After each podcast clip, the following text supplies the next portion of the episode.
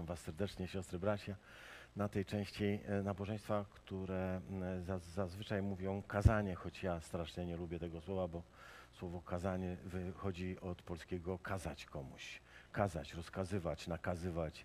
E, Myślę, że to nie jest e, dobry model. W Kościele raczej mówimy o zachęcaniu, o tym, żeby się budować i pocieszać nawzajem, a nie komuś kazać coś robić. Ale e, ze słowami trudno dyskutować, skoro kazanie to kazanie. Więc zrozumieniem tego, że to nie jest kazanie i w podziękowaniu już za to, co usłyszeliśmy, bo mm, ta etiuda, którą nam dzisiaj zagrał Ireneusz, myślę, że zabrzmiała w naszych sercach, a zmotywowała też Przemka do przygotowania e, ro- rozważania. Mamy nadzieję, że co, Przemku, w przyszłym tygodniu, co? To nie ja cię, to nie ja cię wystawiłem, to ten miły, sympatyczny brat. E, W przyszłym tygodniu mamy 15, czy jeszcze spokojnie, jeszcze zdążysz, jeszcze się...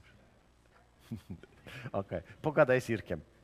Może da ci dyspensę i, i jakby coś na marynarkę.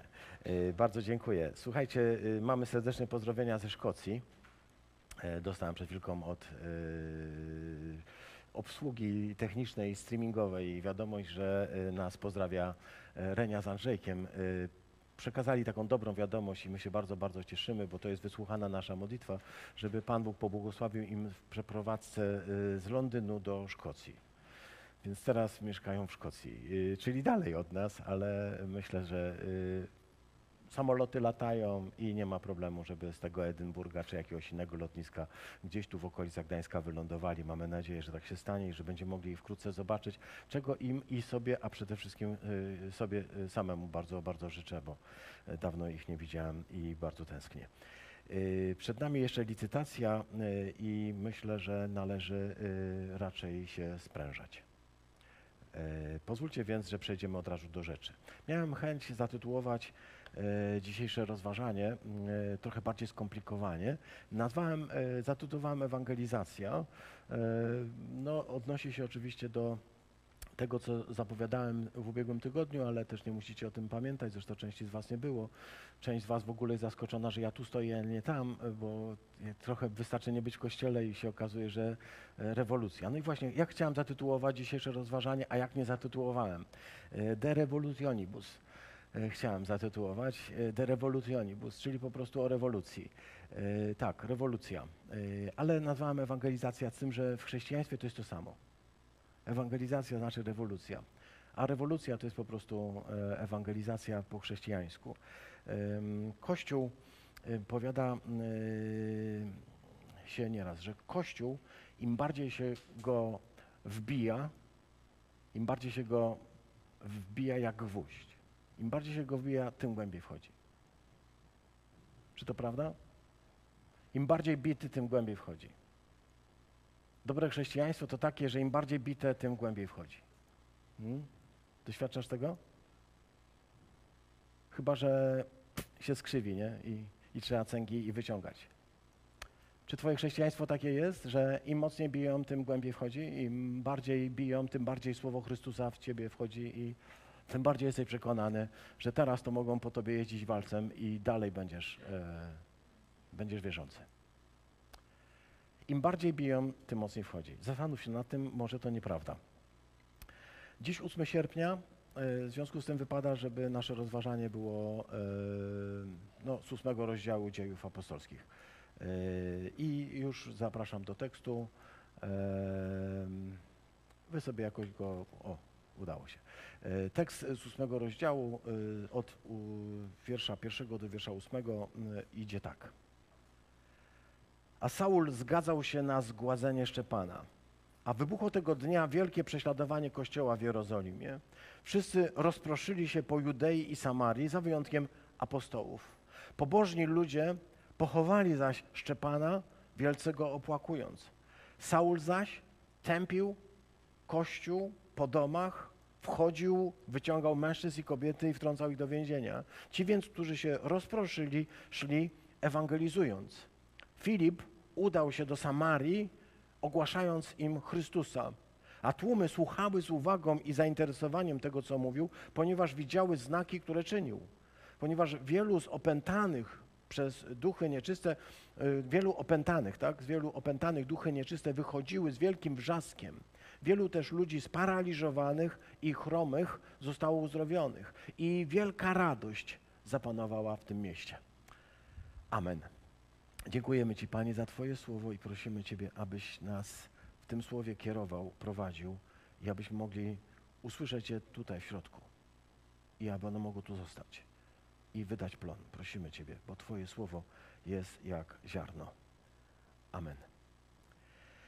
E, Pamiętacie, mówiłem, że e, Księga Dziejów Apostolskich w języku polskim ma tra- nietrafiony tytuł, bo tak naprawdę to nie jest księga dzieje apostołów, czyli co się działo, jakby jaka jest chronologia ich życia, bo jak wiemy, właściwie z tej księgi mało się dowiadujemy o chronologii życia em, apostołów, a w ogóle mało się dowiadujemy na temat chronologii nawet świętego e, Pawła, nawet apostoła Pawła, bo gdy się przyglądamy na przykład e, jego opowiadaniu o sobie, jak chcecie, zerknijcie na to w domu, na 11 rozdział drugiego listu do Koryntian, kiedy zaczyna Paweł mówić o tym, co przeżywał, jakie rzeczy się działy w jego życiu, to zobaczymy, że dzieje apostolskie nie opisują nawet dziesiątej części tego, co Paweł przeżył. E, dzieje apostolskie wydają się tak dużo, mówią o Pawle, a kiedy zaczynamy porównywać pewne rzeczy, dzieje apostolskie i jego list do Koryntian, to widzimy, że bardzo dużo rzeczy e, Łukasz nam po prostu nie opowiedział. Dlaczego? Bo to nie są dzieje. To jest księga czynów, księga dokonań. Taka nadzwyczajna księga. Wiecie, e, w takich dawnych kulturach, na przykład skandynawskich, myślę, że doskonale to wiecie, ale też na Bliskim Wschodzie była taka moda na opowiadanie sag. Siedziało się przy ognisku, wyobraźcie sobie taki świat przez chwilkę, zamknijcie oczy, wyobraźcie sobie taki świat. Nie ma telewizora, halleluja. Nie ma internetu. Cieszę się, dobrze, dalej. Nie ma komórek. E. Nie ma radia i, i żadnych takich mediów, które komunikują nas z, ze światem z zewnątrz. A co jest?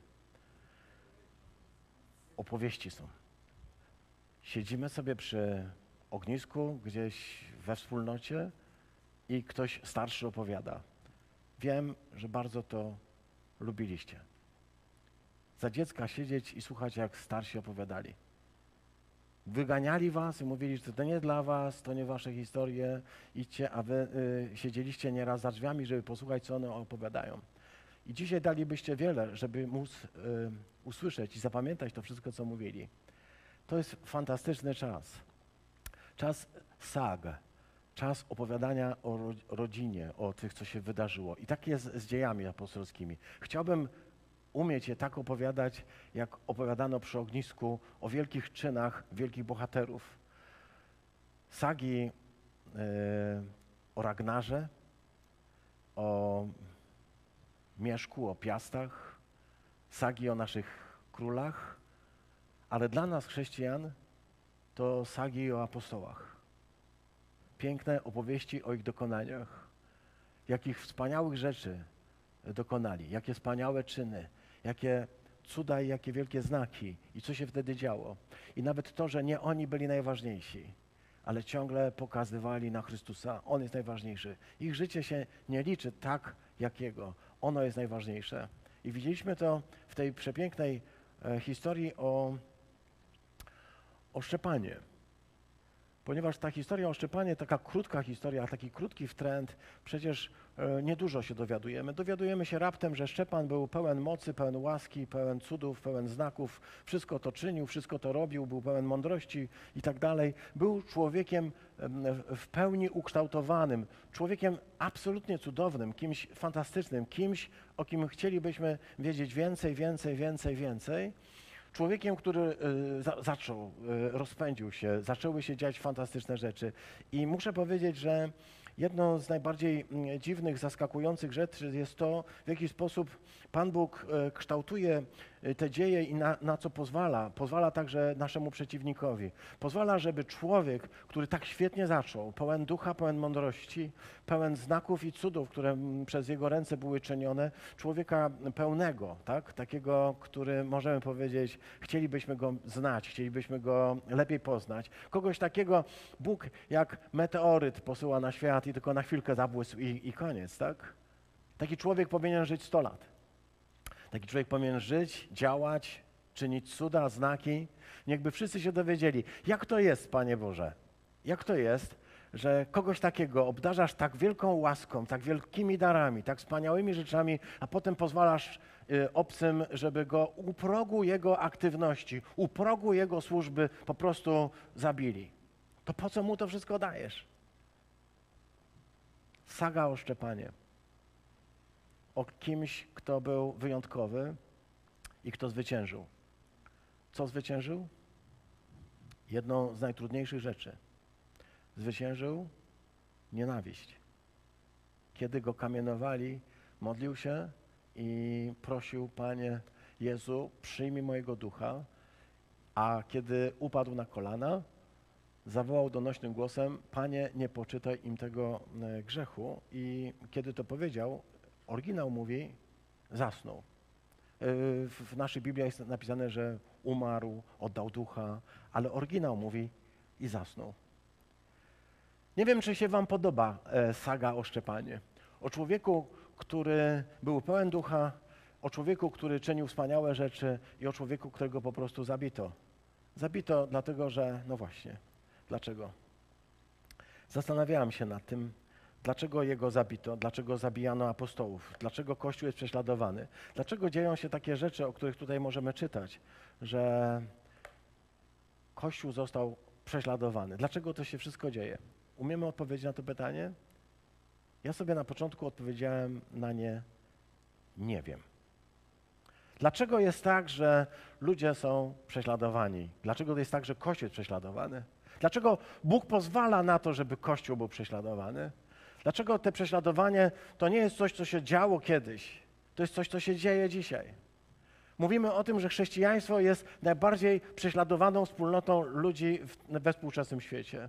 Mówimy, że nikogo to nie obchodzi, że w Nigerii dzisiaj mordują na, na potęgę ludzi, że jeszcze e, kilka miesięcy temu ISIS pisało na ścianach naszych braci, na ich drzwiach dużą literkę N. Niektórzy z nas jeszcze ją mają. Widzą, jak wygląda, ponieważ ta literka oznaczała tu mieszka chrześcijanin. Co to znaczyło? Wyrok śmierci. Ponieważ na drzwiach było napisane N, Nazarejczyk chrześcijanin. To nie jest historia, która się kiedyś wydarzyła i dzisiaj po prostu możemy o niej opowiedzieć. To jest coś, co się dzieje. Dzisiaj Szczepan jest dalej mordowany. Ludzie pełni ducha są mordowani, a im bardziej wbijają to, e, ten gwóźdź e, w to drzewo, tym głębiej wchodzi chrześcijaństwo. Tertulian powiedział kiedyś semen sanguis Christianorum semen, ziarno jest, ta, ten, y, te, e, przepraszam, krew jest posiewem, jest ziarnem chrześcijaństwa. Każda wylana kropla krwi rodzi następne pokolenia i następne pokolenia. I kiedy się zastanawiamy na pytanie, dlaczego, dlaczego Panie Boże pozwalasz na to, żeby takich ludzi jak Szczepan, żeby chrześcijan tak po prostu mordowano, możemy odpowiedzieć sobie tak, albo nie wiem, po prostu nie mam pojęcia. Bóg tak pozwala, żeby tak się działo. Albo pomyśl chwilkę, a może przyjdzie ci taka odpowiedź.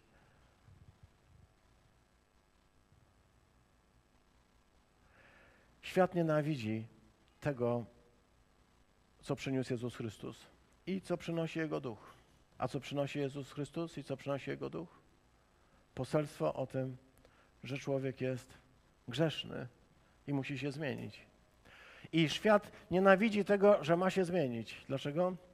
Bo ukochał ciemność. Dlatego nienawidzi światłości.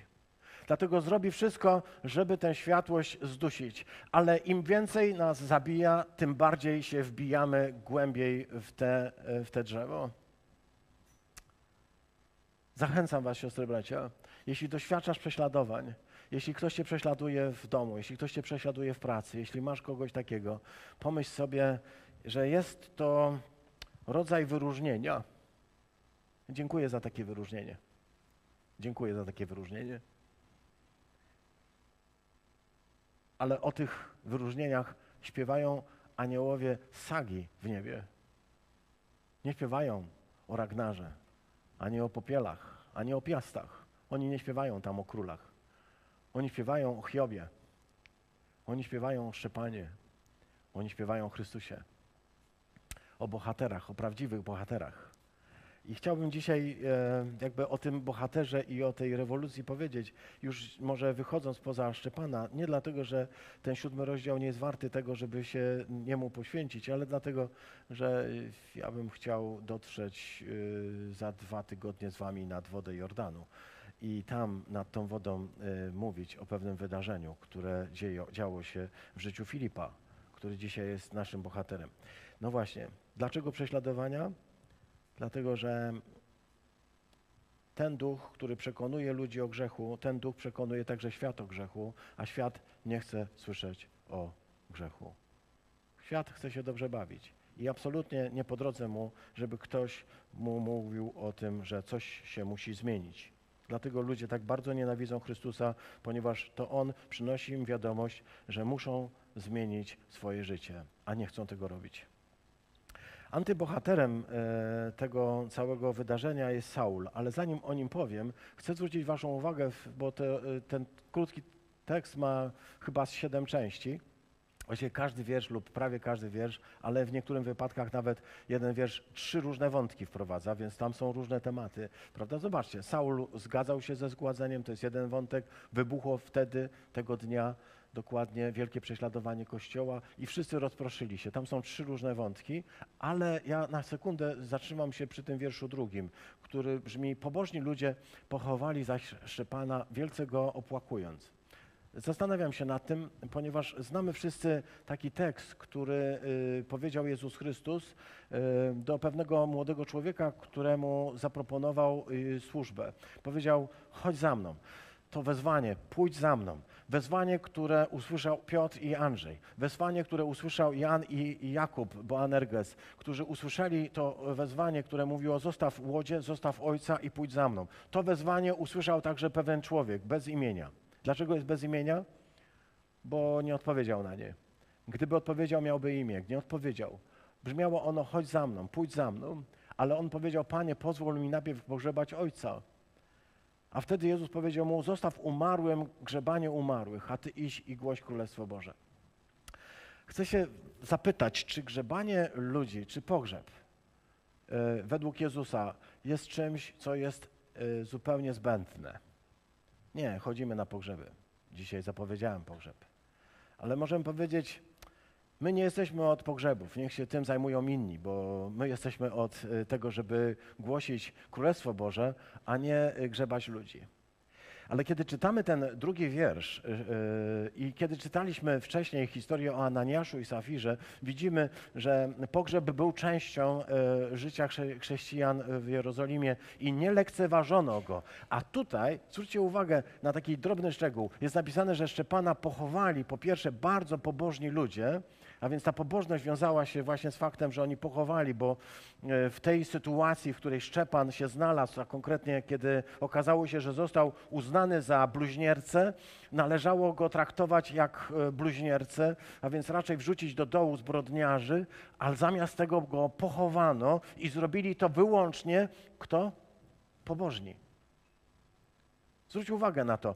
A więc ten tekst, który tutaj czytamy, w tym e, Ewangelii Łukasza w dziewiątym rozdziale, nie jest wcale, nie, nie, nie deprecjonuje nam e, pogrzebu, nie mówi nam, że my nie jesteśmy od tego. On nawet wręcz przeciwnie, chce nas zachęcić do tego, żebyśmy przywrócili rzeczom właściwy obraz. Dlatego tutaj jest e, tak mocno powiedziane, że pobożni ludzie pochowali Szczepana. Trzeba być pobożnym człowiekiem, żeby w momencie, kiedy rozwija się prześladowanie, ona nabiera tempa, kiedy zaczynają się prześladowania, w taki sposób zademonstrować swoją wiarę i powiedzieć, że e, i opłakiwać go, bo tu jest tak powiedziane, i opłakiwali go wielce. Ale zwrócę Waszą uwagę na taki tekst, który pochodzi być może z końca III wieku. Tak mi się wydaje. To jest e, taki tekścik, który ma e, no, taki pseudoepigraficzny, czyli taki, którym ktoś się podpisał, ale nie miał do tego uprawnień. Podpisał się imieniem apostołów, testament naszego Pana, tak się nazywa ten apokryf. Opi o, apokryf jak apokryf, oczywiście to są e, legendy powymyślane, ale wśród tych legend znajdują się też pewne zalecenia. I tutaj jest takie zalecenie z końca III wieku, które mówi tak. To jest zalecenie odnośnie diakonów, czyli odnośnie ludzi, którzy pełnią służbę w kościele. Przeczytaj to ze mną. Jeżeli jakiś diakon mieszka w mieście nadmorskim, jak na przykład y, Fromborg, y, już niedługo nadmorski, bo widziałem na własne oczy, że mamy pół przekopu zrobionego. Jeszcze tylko pół przekopu i będziemy nadmorskim. Wiecie, że to w grudniu może być? w grudniu będziemy nadmorskim. Na razie, na razie jesteśmy miastem nadzalewowym. Jeżeli diakon mieszka w mieście nadmorskim, niech często obchodzi wybrzeża, by się przekonać, czy nie znajdują się tam zwłoki jakiegoś rozbitka, a jeśli tak, niech go ubierze i pochowa. Niech go najpierw zapyta, czy był chrześcijaninem. Ej, niech sprawdzi jakieś znaki, może ma jakiś symbol, znak, tatuaż. Nie. Niech go pochowa, ale niech go ubierze i pochowa. Bardzo dziwne to jest. Co to za zalecenie dla diakona? Ma chodzić nad wybrzeżem i patrzeć, czy ktoś nie umarł, żeby móc go pochować. Uważano takich ludzi, którzy to mogą pełnić, za ludzi mało znaczących. Ale ja chcę powiedzieć, że jeśli chrześcijaństwo zwyciężyło, jeśli zwyciężyło, to właśnie dlatego, że w tych małych szczegółach i małych sprawach, i w takich drobnych sprawach można było liczyć na chrześcijan. Można było liczyć na ludzi, którzy nie pozwolą, by zwłoki rozkładały się gdzieś nad wodą, by zwłoki się rozkładały gdzieś na śmieciach. Przepraszam, bo tak czytamy w, w, tych źródłach, że po prostu jak niewolnik się zepsuł, to robiono z nim dokładnie to, co my dzisiaj robimy z naszymi komputerami. Wyrzucali go na śmieci. Nieraz jeszcze żyjącego, bo, bo by trzeba było się nim zająć. I takich ludzi wyciągani ze śmietników i robili to chrześcijanie, by się nimi zająć, nieraz by ich ubrać i pochować. Możesz powiedzieć, czy do tego zostaliśmy powołani? Zadaj sobie pytanie, czym jest miłość? Miłość do drugiego człowieka. Ona się wyraża także w szacunku dla człowieka, który odchodzi. I to tak głębokim szacunku, że stało się to jakby pewnym wyzwaniem również wobec zmarłych. Moglibyśmy powiedzieć, nie nasi zmarli, nie nasze sprawy, idziemy dalej. Ale tak nie proponuje Ewangelia. Dlatego pobożni ludzie pochowali Szczepana, wielce go opłakując.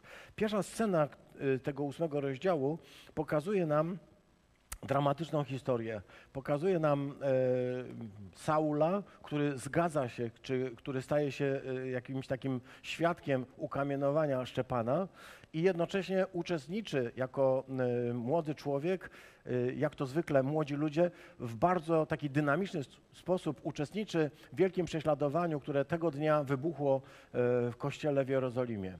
I czytamy, że mm, to prześladowanie było nie lada y, prześladowaniem, bo moglibyśmy powiedzieć e, tutaj e, taki opis. Saul tępił Kościół, dosłownie słowo tępił, takie brzydkie słowo tępił Kościół, znaczy on je pustoszył. To słowo, które tu w Grece jest użyte, oznacza e, sytuację, kiedy e, na przykład lew rozszarpuje. To jest taki stan, kiedy rzuca się e, na, na ofiarę. To jest takie, tak, my, my mówimy pustoszył, tak? tępił, tak? Ale tu chodzi o to, że po prostu był jak, e, jak e, tygrys, który rzuca się na bezbronną ofiarę i ją rozszarpuje. Paweł coś takiego robił z Kościołem. A jeszcze raz powiemy, im głębiej się wbija gwóźdź, tym głębiej wchodzi.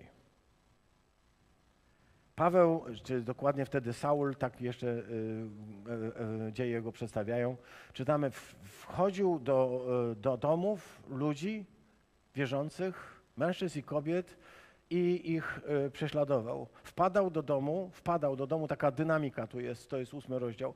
Wpadał do domu, tak, jak jak lew wpada po prostu i wyciąga stamtąd mężczyzn, wywleka mężczyzn, kobiety, wtrąca do więzienia, to jest ósmy rozdział. W dziewiątym rozdziale czytamy, libyśmy dalej, y, Saul niszczył Kościół, dalej czytamy, że właśnie coś takiego robił, że dyszą, dysząc wciąż grodzą i rządzą zabijania uczniów Pana. Y, to jest już taki opis, który mówi, że on y, y, ma krew na rękach. Dysząc, rządzą mordu, rządzą zabijania. W następnym tekście, w 22 rozdziale, moglibyśmy powiedzieć, to jest jego retrospekcja, jego e, opowiadanie, mówi o sobie, prześladowałem tę drogę aż na śmierć wiążąc, wtrącając do więzień. Wtrącałem do więzień, biczowałem w synagogach tych, którzy w Ciebie wierzyli, a kiedy przelewano krew Szczepana, Twojego świadka, ja też byłem przy tym i godziłem się na jego zabicie i pilnowałem szaty, którzy zabijali. Jest więc y, człowiekiem, który ma na rękach krew i mówi o tym. Wiążąc, wtrącałem do więzienia i biczowałem i yy, prześladowałem aż na śmierć. W 26 rozdziale moglibyśmy też zwrócić uwagę na to. Skazywałem na śmierć, kiedy głosowano przeciwko nim. Ja głosowałem za wyrokiem śmierci. Często ich karząc, zmuszałem ich do bluźnierstwa i występowałem przeciwko nim z wielką wściekłością, prześladowałem ich nawet po obcych miastach. To wszystko Paweł mówi o sobie e, przez usta e, Łukasza ale w liście do Galacjan powie też o sobie sam, tak? bo tam to było to, co Łukasz e, jakby e, cytował, a tutaj Paweł zostawił takie świadectwo w liście do Galacjan. Słyszeliście bowiem o moim dawniejszym postępowaniu w judaizmie, że ponad miarę prześladowałem Kościół Boże i niszczyłem go.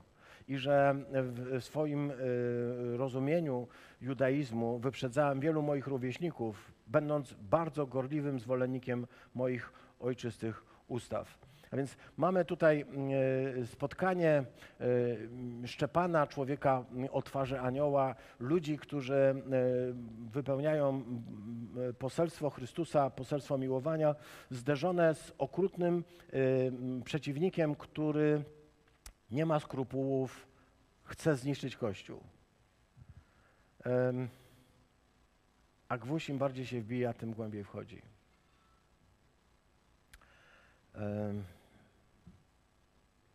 Tekst, który y, jakby rozwija następną ważną myśl, to to, że wszyscy się rozproszyli po całej Judei, po Samarii, wszyscy za wyjątkiem apostołów. Gdybyśmy to, ten wyjątek apostołów sobie przez chwilkę przemyśleli na, na sekundę, ale na sekundę tylko, to może by nam wyszło, że apostołowie byli nietykalni, może dlatego również, że oni nie należeli do tej partii helenistów, y, która była dość rewolucyjna, tylko raczej hebraistów, ale to taka moja y, dygresja y, zupełnie z innej, jakby powiedzieć, z innej mańki. E, bo to jest taka może dygresja trochę naukowa i zostawmy ją tam, niech sobie y, gdzieś kwitnie. E, dlaczego apostołów, e, apostołom pozwolono być i ich jakoś nie tykano, nie niszczono, ale wszyscy się rozproszyli. Mm, ciekawa rzecz, bo słowo rozproszyli, które tutaj jest zawarte, to jest słowo, które jest związane z ziarnem bo e, tam jest użyte sporos, ziarno. E, wiemy, że słowo, e, że Żydzi na określenie wspólnot rozproszonych po całym świecie mają taki termin diaspora. Diaspora to znaczy, diaspora to znaczy jakaś grupa Żydów mieszkająca poza Ziemią Świętą. To są diaspory, tak? Ale słowo diaspora znaczy dosłownie, bo tam jest słowo spora, czyli ziarno, znaczy dosłownie rozrzucone ziarno. A więc diaspora to jest nic innego jak rozsiane ziarno.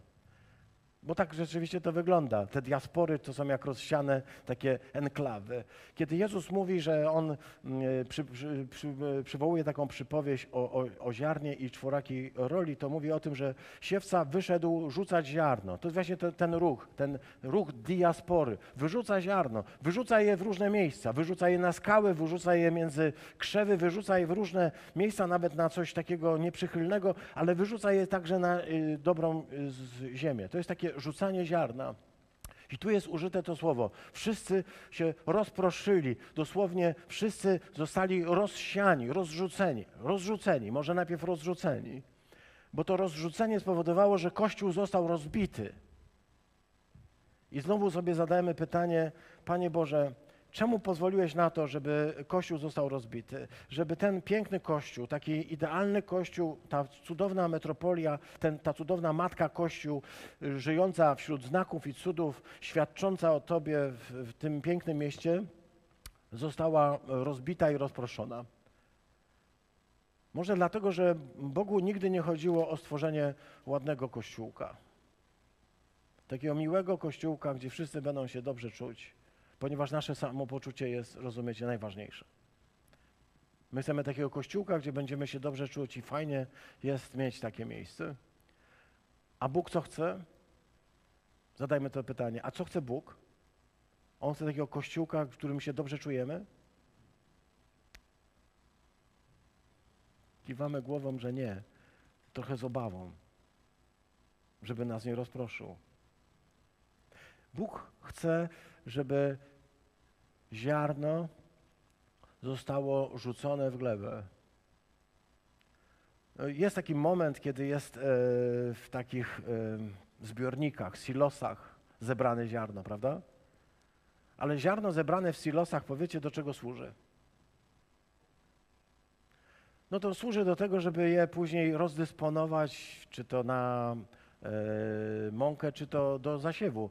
Gdyby ono tam zostało, gdyby to ziarno zostało w tych silosach, jaki byłby z tego ziarna pożytek? Żaden. Chyba, że popiel. Chyba, że myszy. To i owszem. Ale wiecie, ziarno nie jest dla myszy. Tak? A więc jaki jest sens, żeby one znajdowały się w tych silosach? Czasowy. Chodzi o przechowanie na pewien czas, a potem, żeby je wziąć i rzucić w ziemię. Żeby się mnożyło. Mnożyło, bo istota e, chrześcijaństwa polega na tym, żeby się rozwijało. Siostry, bracia, to nie jest dobra wiadomość dla nas dzisiaj. Bo to jest e, zupełnie odwrotny kierunek od tego, który my zakładamy. My chcemy zbierać, a Bóg chce rozsiewać. My nie chcemy się dać rozsiewać, bo mamy marzenie o tym, żebyśmy byli fajni, żeby nam było miło. A Bóg mówi, a ponad to, żeby było wam fajnie i miło, chciałbym was ro rozsiać. Czy jesteśmy gotowi? Bo wiecie, że w silosach przechowuje się ziarno, ale tylko na pewien czas. A jeśli ono miałoby tam dłużej zostać, to z tego ziarna nici. Więc pytanie jest takie, czy damy się Panu Bogu rozsiać? I to nie, nie znaczeniu takim, żeby nas podzielił, żebyśmy się skłócili i rozeszli. Nie. Żebyśmy pozwolili, żebyśmy zobaczyli, że On chce nas rzucić w ziemię. Rzucić o ziemię. Rzucić w ziemię. Pozwolić nam umrzeć. Po to się rzuca ziarno. Po co się rzuca ziarno? Żeby było ładne? Nie. Po to, żeby tam umarło. Czy zgadzasz się na to? Bóg wziął cię po to, żeby cię wrzucić w ziemię, byś obumarł. Ale po to obumarł, żeby z tego jednego zrobiło się dziesięć, żeby z tego jednego zrobiło się sto. Żeby z tego jednego małego ziarenka wyglądającego jak nic nieznaczący mały plastyczek zrobił się żywy e, twór, żyjący kłos, żywe istnienie, Paweł kiedyś porównał e, to w ten sposób, że jeśli myślimy o zmartwychwstaniu i o nowym ciele, to pamiętajmy o tym, że my jesteśmy dzisiaj jak ziarno, a po zmartwychwstaniu będziemy jak kłos. Niby to samo, a całkiem inaczej wyglądające. Zupełnie przekraczające wyobrażenia. Tak jak różnica między jednym ziarenkiem, a całym kłosem, którym jest ileś ziaren. Taka jest różnica między byciem w tu, a byciem po drugiej stronie. I to pięknie rozwinął. Wszyscy, którzy zostali rozproszeni, którzy się rozproszyli, ale tak naprawdę których Bóg rozproszył. Dziwna sprawa, bo przypominam mm, to powiedzenie Goethego, ja je bardzo lubię. Y, diabeł to cząstka mała, która złego pragnąc dobro działa. To jest coś takiego. Diabeł postanowił rozproszyć Kościół. Wydaje się, że jak uderzy w Szczepana i jak cały swój gniew wyleje na wszystkich ludzi, będzie miał do dyspozycji kogoś takiego jak Saul, który będzie dyszał chęcią mordu, będzie niszczył i zabijał. Ilu ludzi wtedy, ilu naszych braci, ile naszych sióstr pytało, dlaczego Panie pozwalasz na to, żeby coś takiego złego się działo? Dlaczego pozwalasz, by nas zabijano? Dlaczego pozwalasz, by nas dręczono? Dlaczego pozwalasz, by nas biczowano? Dlaczego pozwalasz nam y, przechodzić te wszystkie rzeczy? Czy na te pytania uzyskali odpowiedź? Nie wiem. Ale wiem, że diabeł złego pragnąc wywołuje ostatecznie dobro, ponieważ jest pewna taka wyjątkowa historia, wyjątkowa rzecz. Diabeł nas bardzo nienawidzi, bardzo bardzo, bardzo. Ma o tobie tylko same złe myśli. Chciałby, żebyś resztę wieczności spędził razem z nim w piekle. On ma takie marzenie o tobie. Jego największą nagrodą to jest piekło, jakie dla ciebie ma. To są wszystkie choroby, jakie na siebie może zrzucić. Diabeł marzy o tym, żeby tobie było tylko źle i tylko gorzej, ponieważ cię z całego serca nienawidzi. Nie wiem, czemu uparł się właśnie na ciebie, na mnie i na nas, ale wiem, że nas z całego serca nienawidzi i chce i życzy nam wszystkiego, co najgorsze. Ale jak bardzo diabeł nas nienawidzi, to jest taki tak nic w porównaniu z tym, jak bardzo Bóg nas umiłował. Jego nienawiść nie jest y, nawet tysięczną tego, jak bardzo Bóg Ciebie ukochał. Ta walka się toczy, jest to walka wiary. Uwierzysz w to, że mm, ta nienawiść diabła może zniszczyć Twoje życie, czy w to, że, nie, że miłość Boga może zmienić Twoje życie, Twoje życie i życie wszystkich Twoich bliskich? Będziesz się bardziej mm, bał tego, który może zabić ciało, czy tego, który może uczynić Ciebie e, człowiekiem szczęśliwym? Tutaj e, w tym wierszu czwartym e, możemy zobaczyć jeszcze coś jednego, co nam pięknie Łukasz maluje. Ci więc, którzy się rozproszyli, czyli znowu mamy to rozproszenie, znowu mamy to te diaspora, mamy znowu to słowo rozsiany. Ci, którzy zostali rozsiani, oni przechodzili ewangelizując. My mamy w naszych przekładach najczęściej e, oni idąc głosili dobrą nowinę, ale tam jest evangelizomenoi, czyli jest po prostu oni ewangelizowali. Wiecie, kiedy Jezus mm, powiedział swoim uczniom, a idący, będący w drodze, głoście dobrą nowinę wszystkim narodom, chrzcicie w imię Ojca i Syna i Ducha Świętego i uczcie ich przestrzegać wszystkiego, co wam przekazałem. Ja nie wiem, czy y, apostołowie zdawali sobie z tego sprawę, że to idź, idąc, będąc w drodze, oznacza, że będąc w drodze często w wyniku prześladowania. Dlatego będący w drodze, bo z każdego kąta ich wyganiali. Ale to, co ich charakteryzowało, to, co charakteryzowało ten kościół, dlaczego ten kościół zwyciężył, dlaczego pokonał swoich e, nieprzyjaciół i dlaczego był w stanie zwyciężyć nawet tę nienawiść diabła, to dlatego, że wszędzie, gdzie szli, ewangelizowali, głosili dobrą nowinę. Ta dobra nowina stała się przyczyną ich e, e, no, dramatów. Musieli opuszczać swoje domy, musieli opuszczać swoich krewnych, musieli uciekać, ale nie zamknięto ich ust. Fantastyczne. Nie zamknięto im buzi mogą na nas y, składać różne, jakby to powiedzieć, obciążenia, zakazy, wprowadzać różne ograniczenia i mogą to robić, tak? Ale nie mogą zamknąć Twoich ust. Jest tyle świadectw, tylu ludzi, którzy mówią, że bez względu na to, gdzie jesteś, możesz ewangelizować, a nieraz nawet może to polegać na tym, że mówisz. Przeczytaliśmy na początku, że Szczepana pochowani, pochowali bogobojni, pobożni ludzie. Czym jest takie bogobojne i pobożne pochowanie, chcę się zapytać? Jest głoszeniem dobrej nowiny. Nie trzeba przy tym wiele mówić. Ewangelia bowiem nie polega na mówieniu, Ewangelia polega na miłowaniu. Tak? Bo ludzie poznają nas nie po tym, ile mówimy, ale potem jak kochamy. Kiedy czytam swojego ulubionego Tertuliana, którego dzisiaj już wspomniałem, mówiąc o tym, że e, krew chrześcijan jest posiewem chrześcijaństwa, kiedy mówiłem o tym, że krew męczenników jest posiewem chrześcijaństwa, to także warto przypomnieć jego zdanie w apologetyku, kiedy powiedział, że kiedy ludzie tak patrzą na to, jak bardzo potrafią jeden za drugim e, stać i podtrzymywać. I, takie hasło tam pada, pamiętacie na pewno, bo wszyscy pewnie czytaliście apologetyk, bo co to za chrześcijanin, co nie czyta apologetyku Tertuliana. On tam powiedział, patrzą na nas i mówią, zobaczcie, jak bardzo się kochają. Świat nie potrzebuje dzisiaj tego, żebyśmy im mówili. Świat potrzebuje tego, żeby mogli to zobaczyć. Świat potrzebuje tego, żeby mogli zobaczyć tę miłość. I ja chcę o tym powiedzieć, ponieważ Filip udał się do Samarii. Ponieważ Filip udał się do Samarii. O nim chcę na zakończenie tego dzisiejszego rozważania wprowadzającego do Filipa powiedzieć. Filip, czyli ten, który umiłował konie. Filipos. Fil, filos i hipos, tak? Czyli miłujący konie. Filip.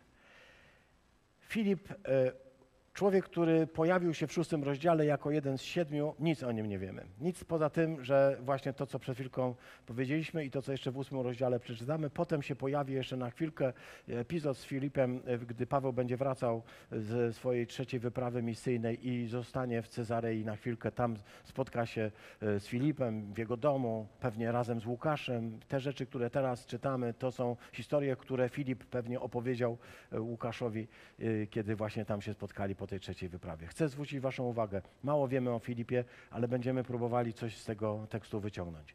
Zwróćcie uwagę na to przede wszystkim, że Filip udał się do Samarii, ogłaszając im Chrystusa. To jest fantastyczny tekst. Co jest w nim najpiękniejszego? Pewnie Filip nie poszedłby nigdy do Samarii, ponieważ jako Żyd nie lubił Samarytan i wiecie, że vice versa?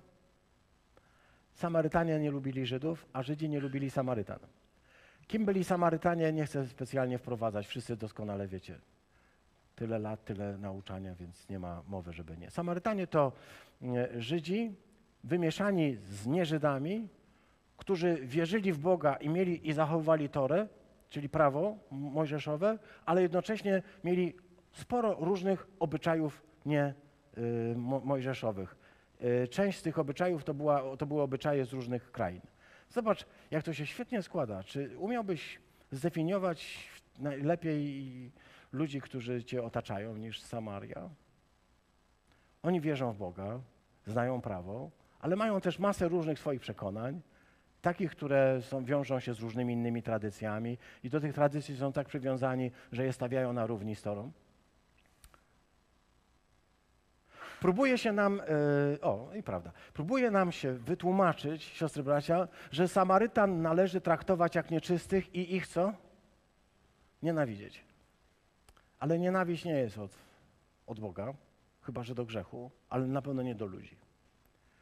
Filip poszedł do Samarytan, którzy byli uważani przez Żydów za nieczystych i za ludzi, których należy traktować y, jako y, drugiego sortu, trzeciego sortu. Niektórzy mówili, że poganin jest lepszy od, od Samarytanina, bo Samarytanin zna prawo, a jednak y, służy też innym bogom. To już lepiej z poganami niż z Samarytanami. Samarytanie odwdzięczali się Żydom taką samą nienawiścią. I w tę spiralę nienawiści tak łatwo się dać wciągnąć. Ja widzę dzisiaj cały e, ewangeliczny świat, e, który, e, w który się próbuje wprowadzić takie zamieszanie w postaci rzucenia nienawiści wobec kogoś. Kogoś trzeba nienawidzieć. To jest poselstwo, ale prosto z piekła. Jesteśmy powołani do tego, żeby iść i głosić Ewangelię gdzie? Wśród swoich, którzy nas rozumieją. Nie. Żebyśmy poszli głosić Ewangelię do Samarii. Ale Samaria jest nieczysta jest nieczysta, jest B, nie lubimy jej, jest po prostu e, ohydna i, i, i się jej brzydzimy. My wolimy święty, e, piękny nasz e, ewangeliczny świat, a najbardziej ten ewangeliczny z Fromborka prosto. Ten świat lubimy, ten świat kochamy, w tym świecie wszyscy są fajni, poza tym Samaria czysta, która jest nieczysta i absolutnie ohydna. B. Siostry, bracia, możemy tak myśleć, ale prędzej czy później Bóg nas wrzuci w tę Samarię, żebyśmy do tej Samarii poszli i żebyśmy tam, w tej Samarii, okazali się światłem, okazali się solą dla tej Samarii. Tam przed Filipem był już Jezus Chrystus. Nie ma takiego miejsca we wszechświecie, w którym Jezus Chrystus nie był przed nami. Jakbyś sobie wyobraził, chcę ci powiedzieć, nawet w piekle. On wszędzie był przed Tobą. Dlatego nie musisz się bać. Właśnie dlatego śpiewamy, nie musisz się bać, bo On wszędzie już był przed Tobą. Zanim Ty pójdziesz do Samarii, On już tam był. Zanim Ty pójdziesz w takie trudne miejsca, w takie miejsca, które są dla Ciebie ciemne i nieprzyjemne, On już tam był. On już tam głosił, On już tam przygotowywał. A teraz chce, żebyś Ty poszedł i dokończył to dzieło. Wbił ten gwóźdź do końca. Bo chrześcijaństwo im bardziej bite, tym bardziej głębiej wchodzi. Tak? Jak jest niebite, to jest powierzchowne. Dlatego Bóg się zgadza na to, żebyś doświadczał tego, co doświadczasz. Żeby cię posłać do tej nieczystej Samarii. I żebyś tam był światłem. I żebyś tam był solą. I żeby ta tragedia Kościoła była radością dla tego miasta. Czytamy, że kiedy Filip tam poszedł, to nie opowiadał im o Chrystusie. Zwróciłeś uwagę? Filip udał się do Samarii i opowiadał im o Chrystusie. Sagę o Chrystusie. Nie. On im proklamował Jezusa Chrystusa, a to nie jest to samo. On ogłaszał. Kochani katechumeni, dokładnie to robię. Ogłaszam Jezusa Chrystusa, że jest Panem. Ogłaszam, że ma moc nad wszystkimi chorobami, nad śmiercią, nad y, trądem, nad wszelką niemocą, nad wszelkim grzechem, nad wszelką słabością. Jezus Chrystus, który pokonał śmierć i zmartwychwstał, ogłaszał Chrystusa. Nie opowiadał o Chrystusie. On ogłaszał, kim jest Jezus Chrystus. Oni go spotkali wcześniej i nie rozpoznali. Poprosili, żeby mógł, y, żeby nie przechodził przez ich y, wieś. Pamiętacie? Stąd się wzięło nazwa motocyklowego klubu Boanerges. Bo on poprosił, oni poprosili, żeby nie przechodzili, żeby nie przechodził. I wtedy przyszedł Jan, i wtedy przyszedł Jakub i powiedzieli tak, Panie, jeśli Ty go chcesz, powiedz jedno słowo, spuścimy ogień z nieba, rozwali tę samarytańską wioskę. My Ci od razu mówiliśmy, do tych ludzi nie chodź, ci ludzie nie są fajni, ale nie chciałeś nas słuchać. Jezus powiedział im wtedy, chodźcie, pójdźcie dalej, w ogóle nic nie rozumiecie.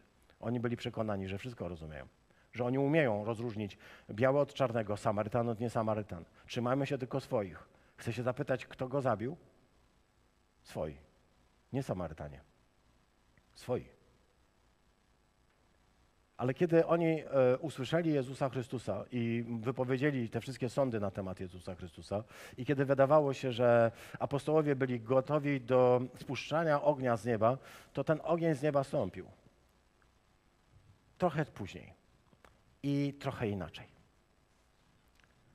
My sobie zupełnie inaczej wyglądamy, wyobrażamy świat. Ja nieraz tak czytając różnych, różne wypowiedzi widzę, że mm, tutaj przyjdzie wielki ogień i zniszczy wszystkich.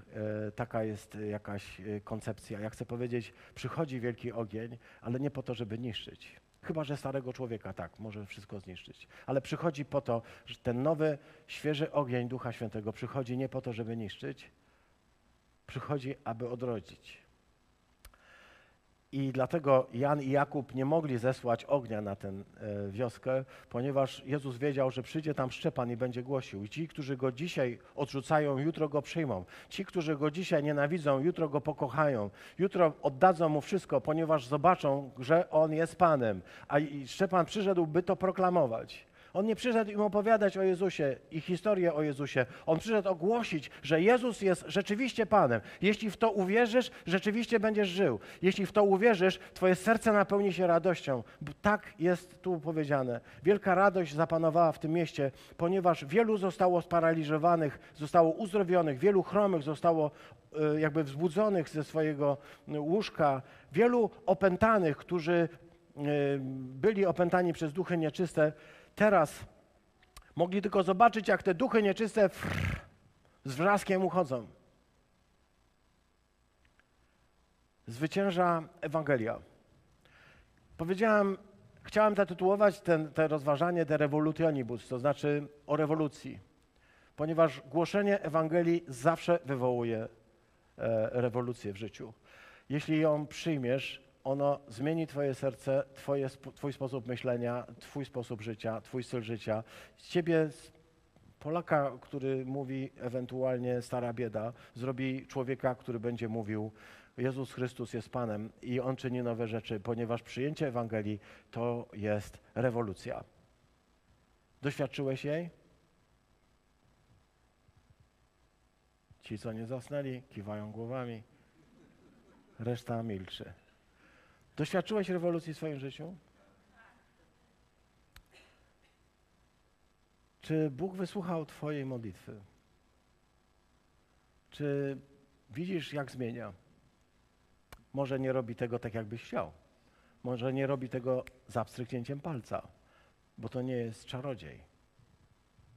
A my jesteśmy ludźmi. Ale czyni, czyni cuda. Głosimy, że ten Chrystus, który dwa tysiące lat temu uzdrawiał i który dwa tysiące lat temu wskrzeszał z martwych, posłał swoich uczniów, którzy także dwa tysiące lat temu uzdrawiali i wskrzeszali z martwych i wyganiali demony. Chcę się zapytać, siostry, bracia, czy świat potrzebuje dzisiaj kościoła, który tego wszystkiego nie ma?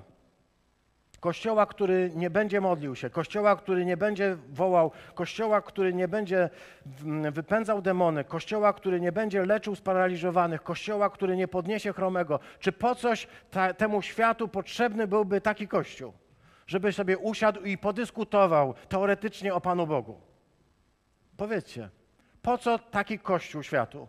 Dzisiaj świat potrzebuje ludzi, którzy będą mogli jak Filip, jak Szczepan głosić Ewangelię, której człowiek zepsuty zostanie zmieniony.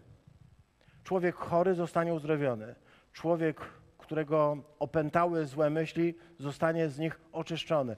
Dzisiaj tego potrzebuje świat, bo tylko to może być drogą do radości. Kościół zaczyna, e, ten, ten, ten, ten tekst zaczyna się od stwierdzenia, że Kościół był w rozproszeniu. Kościół był przerażony. Ludzie płakali po śmierci Szczepana. Wydawało się, że możemy nie rozumieć, czemu Pan Bóg na to pozwala, ale właśnie dzięki temu Kościół poszedł dalej, Kościół nie zatrzymał się, nie zrezygnował. I jeśli nie zrezygnujesz, jeśli pomimo pytań, na których odpowiedzi nie uzyskujesz, pomimo tego, że nie rozumiesz tego, jak Bóg działa i dlaczego tak działa w Twoim życiu, jeśli pozwolisz dać się rzucić w Samarię, możesz zobaczyć coś wyjątkowego, możesz zobaczyć cud. Chcę się Was zapytać, siostry, bracia, na koniec. Gdzie jest y, ta Samaria, do której Bóg chce Cię posłać? I co tam słychać? Jesteś gotów tam iść? Czy wolisz zostać na miejscu i pielęgnować swoje dobre samopoczucie? Czy jesteś gotów pójść i powiedzieć ludziom, potrzebujecie Chrystusa? I to niekoniecznie słowami, czynem, miłowaniem, pochowaniem zmarłego, pocieszeniem i modlitwą. Jeśli tak, ten świat ocaleje. Ci ludzie odkryją swojego Zbawiciela i będą żyli. Jeśli nie, siostry, bracia, będziemy winni. Ale wiem, że Bóg powołał nas do tego, żebyśmy, żebyśmy zwyciężali. I o to dzisiaj także chcemy się modlić. Panie, Ty, który powiedziałeś, płaczcie z płaczącymi i cieszcie się z cieszącymi. Dziękuję Ci za ten tekst, który czytamy dzisiaj, za to, co dzisiaj mówisz do Kościoła. Jest czas płaczu, ale jest też czas siewu. Możemy nie rozumieć Twoich dróg. Możemy nie wiedzieć, dlaczego pozwalasz, by się zło ciągle tak jak pesz rozsiewało. Ale patrzymy na Chrystusa ukrzyżowanego.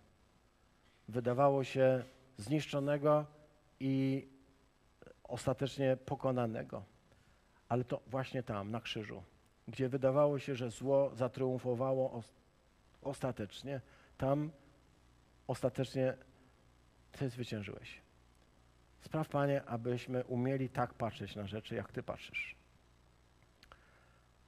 Abyśmy nie dali się przestraszyć i nie ulegli tym wszystkim lękom, swoim lękom i całej tej z premedytacją granej gry przez diabła. Bo wiemy, że może i nienawidzi, może nienawidzi całego serca, ale nie tak, jak Ty nas z całego serca umiłowałeś. I za Twoją miłość chcemy Ci dzisiaj podziękować. Amen.